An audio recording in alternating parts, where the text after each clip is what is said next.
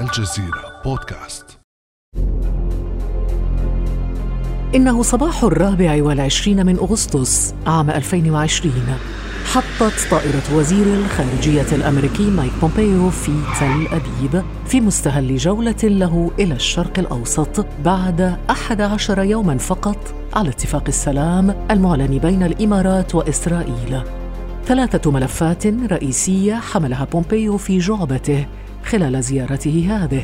يوضحها مدير مكتب الجزيرة بفلسطين وليد العمري وزير الخارجية الأمريكية مايك بومبيو في إسرائيل اليوم لبحث ثلاثة ملفات أولها مواجهة إيران وإعادة فرض عقوبات عليها والثاني وهو وضع حد للاستثمارات الصينية في إسرائيل لكن الأهم هو عملية توسيع وتسريع التطبيع مع دول عربية إضافية.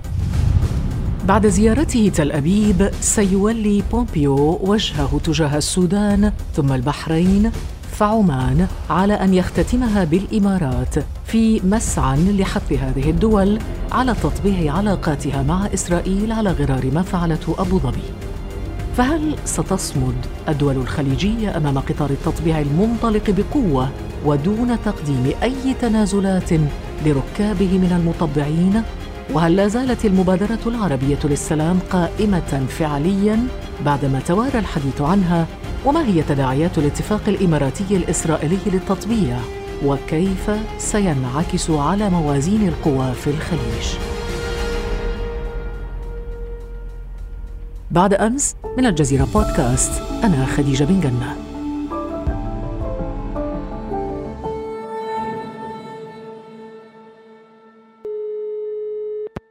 أرحب وأسعد بانضمام ضيفنا في هذه الحلقة الدكتور عبد الله الشيجي إلينا وهو رئيس قسم العلوم السياسية بجامعة الكويت. أهلا وسهلا بك دكتور عبد الله الشيجي. أهلا بكم حياكم الله. فرصة سعيدة. مرة ثانية نلتقي خديجة. السعداء بك. دكتور قبل 42 عاما عندما وقع السادات اتفاق السلام مع إسرائيل طبعا انتفض الملوك والرؤساء العرب ضد مصر وقاطعوها تماما وكانت الإمارات في ذلك الوقت من بين تلك الدول التي عارضت ذلك الاتفاق.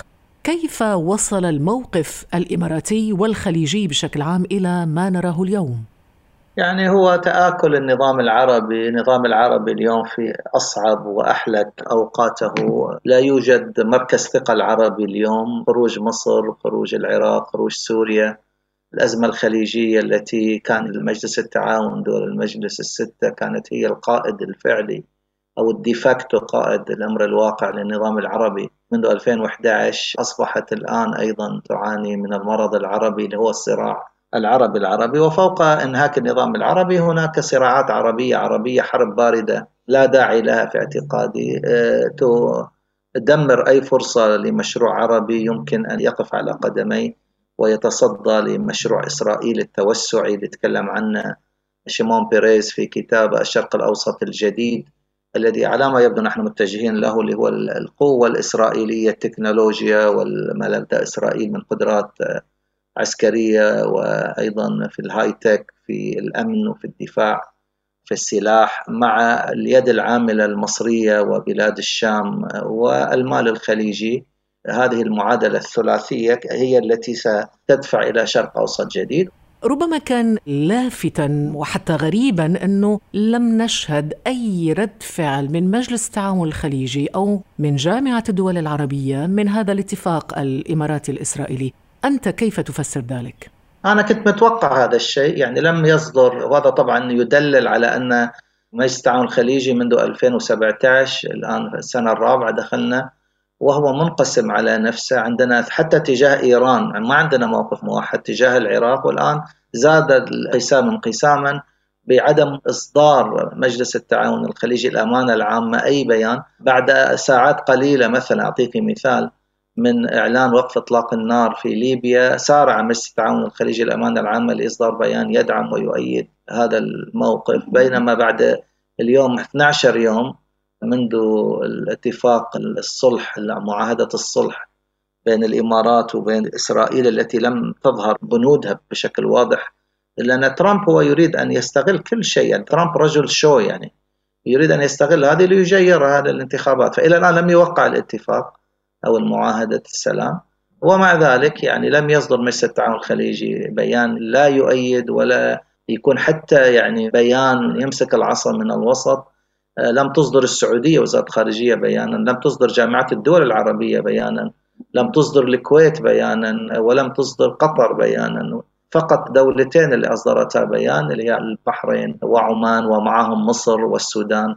إذا نظرنا إلى لغة الشعوب والموقف الشعبي نرى معارضة شديدة للغاية شعبيا ونرى ذلك في تويتر وال hashtags وال... طبعا الشعوب غير ولكن المفارقة دكتور عبد الله الشايجي أنه هذا الاتفاق التطبيعي غير التوازنات والمحاور بحيث أنه بدأ محور الإمارات إسرائيل ضد الفلسطينيين والعرب في مقابل محور تركيا إيران مع الفلسطينيين عموما يفهم من هذا الكلام دكتور عبد الله الشيجي أنه النفوذ الإقليمي الإماراتي مستقبلا سيبدو كأنه امتداد للنفوذ الإسرائيلي. يعني هو طبعا عبر محاربة الشبح يعني إن محاربة إيران، هنا أؤكد على أن الإمارات خلال السنة الماضية منذ الاعتداء الإيراني على أرامكو منشآت أرامكو في 14 سبتمبر 2019 وهي تفتح يعني نوع من الريبرشمون كما نسميه من الانفتاح أو من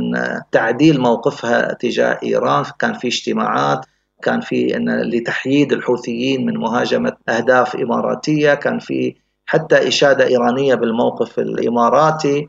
ولهذا السبب ما أعتقد أن هناك يعني أن فكرة وهذه طبعا يجب أن ننسفها فكرة استعانة دول الخليج بإسرائيل لمواجهة إيران هذه خرافة كبيرة تسوق لتبرير التقارب مع إسرائيل. مثل التبرير التقارب لأننا نريد أن نحافظ على دولتين فلسطين وإسرائيل حل الدولتين. هذا كلام كله مأخوذ خيره كما في الكويت لا يقدم ولا يؤخر. نسف كليا حل الدولتين الآن. ما عاد في أي فرصة للسلام. لم يتم استشارة الفلسطينيين. وهذا اختراق كبير لإسرائيل في اعتقاد. هي الرابح الأكبر لأن اخترقت ما تسميه إسرائيل والأمريكا المعقل السني المعتدل لحلفاء أمريكا. وصار سيكون لها موطئ قدم في دول مجلس التعاون الخليجي. ستكون على رمي حجر من إيران. ستكون أيضا قلبت القاعدة المبادرة العربية الآن انتهت نصفت كليا للعرب قدموها في قمة بيروت وهي مبادرة سعودية. المبادرة قدمها في ذلك الوقت ولي العهد السعودي. نصفت كليا اللي هي الأرض مقابل السلام كما يفاخر نتنياهو بكل عجرفة بأنه السلام مقابل السلام.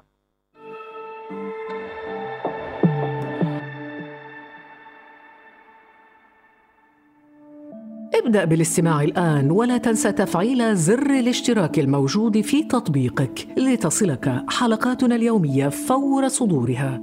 ابقى على تواصل مستمر مع الجزيرة بودكاست عبر صفحاتنا على فيسبوك، تويتر وإنستغرام. دكتور عبد الله الشيجي على الجانب الآخر وحتى يكون العرض موضوعيا للقضية المؤيدون للإمارات يرون أن أبو ظبي بهذا الاتفاق تمارس حقا سياديا لها كما قال وزير الدولة لشؤون الخارجية أنور قرقاش بأن هذا القرار اتخذ من منظور المصالح حتى لو جاء على حساب الحقوق الفلسطينية التي أهملها العرب جميعا تقريبا فلماذا إذا توجيه اللوم لدولة واحدة دون غيرها إذا تبنينا يعني موقف محامي الشيطان؟ يعني من ناحية القانون الدولي الكلام صحيح. هو حق سيادي أن دولة تقيم علاقات مع أي دولة أخرى. لا أحد يمكنه أن ينتقص من حقها أو يشكك في ذلك الحق. ولكن هذه نصف الحقيقة. نصف الحقيقة الكاملة هي بأن الإمارات جزء من المنظومة العربية والخليجية. المنظومة العربية والخليجية اتخذت موقف واضح جدا لا لبس فيه. والإمارات وقعت وأيدت في 2002 في عام 2002 في قمة بيروت العربية لأول مرة يجتمع القادة العرب ويتفقوا على كيفية التعامل بشكل جماعي مع القضية الفلسطينية ومع الصراع العربي الإسرائيلي وقدموا مبادرة مهمة هي الأولى من نوعها نسفها خلال ساعات شارون باعتداءاته على المخيمات الفلسطينية في الضفة الغربية. المبادرة تقول العرب جميعا لا أحد يطبع من العرب بعد الأردن وأن يكون هناك موقف عربي جماعي الأرض العربية تنسحب منها إسرائيل مو بس من الضفة الغربية ومن قدس الشرقية تنسحب أيضا من الجولان السوري اللي ترامب أعطاه لإسرائيل بمنحة من من لا يملك لمن لا يستحق وأعطاها القدس وضرب حق اللاجئين وأيضا قضى على الاونروا أوقف 300 مليون دولار مساعدات أمريكية سنوية. فترامب دمر حل يعني نحن نواجه الآن الهرولة هذه غير مفهومة. ولا تعتدي على السيادة لأنك أنت جزء من السيادة العربية الكاملة. نحن نواجه أسوأ وأكثر حكومة أمريكية تطرفا وانحيازا وتعصبا وكل الماسكين الملف في الفلسطيني الإسرائيلي هم من الصهاينة من جارد كوشنر لجرينبلات لجراونر هذا الولد الصغير اللي عمره 30 سنة صار مبعوث السلام إلى فريدمان السفير يسكن في مستوطن. هذيل عتاة الصهاينة في إدارة ترامب. ماسكين الملف ومع ذلك نهديهم الهرولة والتطبيع مجانا. من ناحية أخرى دكتور عبد الله تذهب العديد من التحليلات إلى أن هذا الاتفاق هو بمثابة صب الزيت على النار في منطقة الخليج مستندة في ذلك إلى أن إيران مثلا على لسان رئيسها حسن روحاني وصفت هذا الاتفاق بالخطأ والخيانة وحذر حتى نائب قائد الحرس الثوري الإيراني اللواء علي فدوي حذر من جلب الصهاينة إلى المنطقة وقال إذا فتحت أبواب المنطقة للصهاينة وعملائهم واقتربت من الحدود الإيرانية وحدود الدول الإسلامية المجاورة لنا وإذا تعاون حكماء بعض الدول مع الصهاينة وخدعتهم أمريكا سيجلبون لأنفسهم المذلة والهزيمة. لن نسمح بأي خطوة لإيجاد موطئ قدم للكيان الصهيوني في المنطقة. ما رأيك دكتور؟ يعني كما هو متوقع طبعا إيران كل شيء يعني له صلة بإسرائيل ستقف ضده. يعني هذا موقف إيراني متوقع. إذا إيران لم تقل ذلك هذا المستغرب. يعني إيران تريد أن تبين أنها هي المدافع عن القضية الفلسطينية وهي في اعتقادي هايجاك اختطفت القضية الفلسطينية لمصالحها إيران أيضا يعني فيلق القدس يقاتل في كل مكان في سوريا وفي لبنان وفي العراق ولكن لم يطلق في سوريا وتقصفها إسرائيل بالأسبوع مرتين ولم يطلق رصاصة على إسرائيل مثلا. موجود فيلق القدس ومقاتلين ومستشارين هناك. ففي مزايدة يعني من الطرف الإيراني. كيف ينعكس الاتفاق على موازين القوى في الخليج وبين الدول الخليجية؟ تغيير موازين القوى لا نبالغ فيه ستبقى الأمور كما هي. أعتقد أن سيكون في فرملة للتطبيع ستطبع يمكن دولتين أو ثلاثة.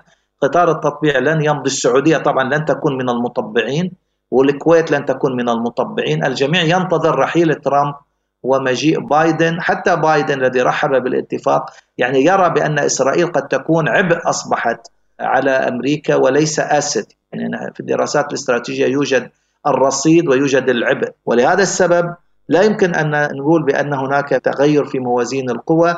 مصر مع إسرائيل صار من 79 سلام بارد جدا جدا جدا. ونفس الشيء الأردن. ما الذي يكلفه عدم السعي في مسار التطبيع والكويت مثال على ذلك؟ هل يمكن للكويت أن تتحمل تبعات ذلك؟ وقد انتقدها انتقادا شديدا جاريد كوشنر وقال موقف الكويت غير بناء. الدول التي لا تطبع هل يكلفها هذا الموقف شيئا؟ ثمنا؟ طبعا يعني مع إدارة شخص الخلاف قد يكلفنا شيئا نعم. يعني ولكن نحن متمسكين في موقفنا متمسكين في مبدأنا هذا ولن نحيد عنه لأن الحياد عنه سيكون كلفة كبيرة على أي نظام في الكويت. لأنه في قبول شعبي عارم في الكويت مو طبيعي يعني التعاطف والوقوف والدعم للقضية الفلسطينية من النخب ومن ال... يعني ما في برلمان عربي 41 نائب يشكلون 85% من النواب المنتخبين مو المعينين منتخبين. قدم يعني الأسبوع الماضي قدموا بيان قوي جدا يرفض أي شكل من أشكال التقارب والتطبيع بين قوسين مع العدو الصهيوني هذيل نواب منتخبين يمثلون الشعب ويمثلون 85% من النواب الكويت المنتخبين. هذا موقف مو موجود في أي دولة عربية أخرى ولا إسلامية. فلهذا السبب الكويت تتمسك. بعدين أمريكا تحترم الديمقراطية فالكويت ممكن أن تناقشها. والله نحن هذا موقف. our parliament is refusing وأنتم تحترمون الديمقراطية فاحترموا ديمقراطيتنا. أخيرا دكتور عبد الله الشايجي هل يمكن أن نقرأ في اتفاق التطبيع هذا أنه نواة لتدشين محور إسرائيلي عربي ممتد وقابل للتوسع في المنطقة؟ يعتمد إذا تمدد بعد الإمارات إلى أكثر من دولة في الخليج ولكن هذه الدول حتى هذه الدول ليست دول مركزية يعني خلينا نكون واقعيين. الإمارات هي الجائزة كبيرة لا شك ولكن الجائزة الأكبر هي السعودية الجائزة الأكبر أيضا المهمة هي الكويت اللي هي الصخرة الصلبة التي ترفض التطبيع. فهذه الدولتين هذين لم يطبعوا ولن يطبعوا خلال الفترة القادمة. فلن يكون هناك في أي شيء بدون السعودية. السعودية هي حجر الزاوية كيستون في المنطقة الخليج وحتى في المشرق العربي. شكرا جزيلا لك دكتور عبد الله الشيجي رئيس قسم العلوم السياسية بجامعة الكويت. حياكم الله مشكورين. كان هذا بعد أمس.